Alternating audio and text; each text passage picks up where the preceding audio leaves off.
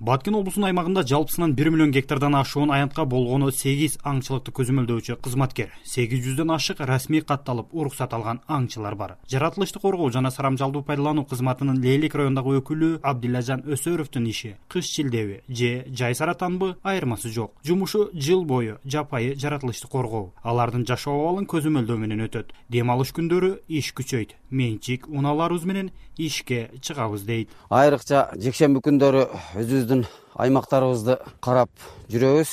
Себеби жекшемби күндөрү э, браконьерлер токойлорго аңчылыкка чыгышат.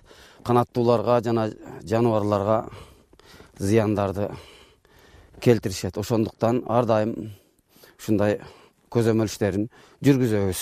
Биздин э, лейлек району боюнча аңчылык аймагыбыз үч жүз алтымыш миң сегиз жүз гектарды түзөт.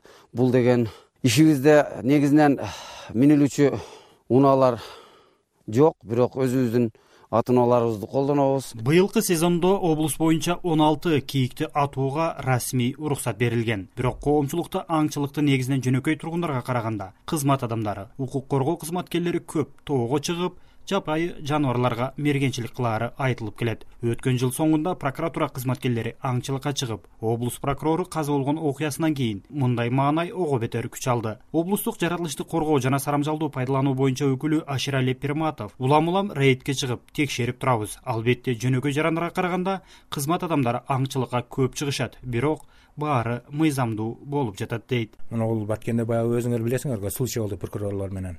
Ошодон бир эки жума мурда биз рейдке чыкканда ушу прокуратуранын балдары чыккан экен. Алар как мыйзам чегинде эле колдорунда путевка бар экен. Бар жогу мыйзамдуу эле андан башка дагы көпчүлүгүн көрүп атабыз мыйзамсыз эми азыр эми чиновниктер жок десек болот да себеби өзүнүн баягы мансабыга эмес мыйзамга баш ийиш керек да мындай эмелер катталган жок бизде чындыгында. Мергенчилик мамлекеттик ырастама азыр мыйзамга киргизилген да ушул баягы биз берип жаткан мергенчилик мамлекеттик ырастамасын алган баардык кыргыздын жарандары мылтык алууга жөнөкөй жарандарга караганда кызмат адамдары курал алууга уруксат кагаздарын даярдоо жаатында мүмкүнчүлүктөр экенин.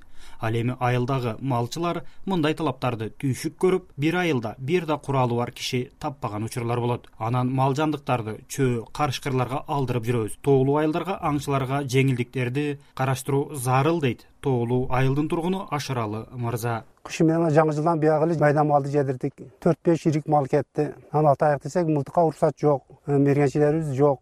Комитетке битта мылтык берсе э, мамлекет тарабынанбы же өздөрүнүн ошо комитет тарабынан берип документалдуу кылып. Ошо кишини бекип бергенде бизге жакшы болот эле. Мурда аңчылык сезону аяктаганына карабай уруксат берилгенден ашыкча жаныбарларды да атып ала берчү кызмат адамдарынан чыккан аңчылардын саны прокурордун өлүмү менен коштолгон аң улоо окуясынан кийин бир аз кыскарганы да байкалды дешет жергиликтүүлөр. Жеңиш айдаров азаттык баткен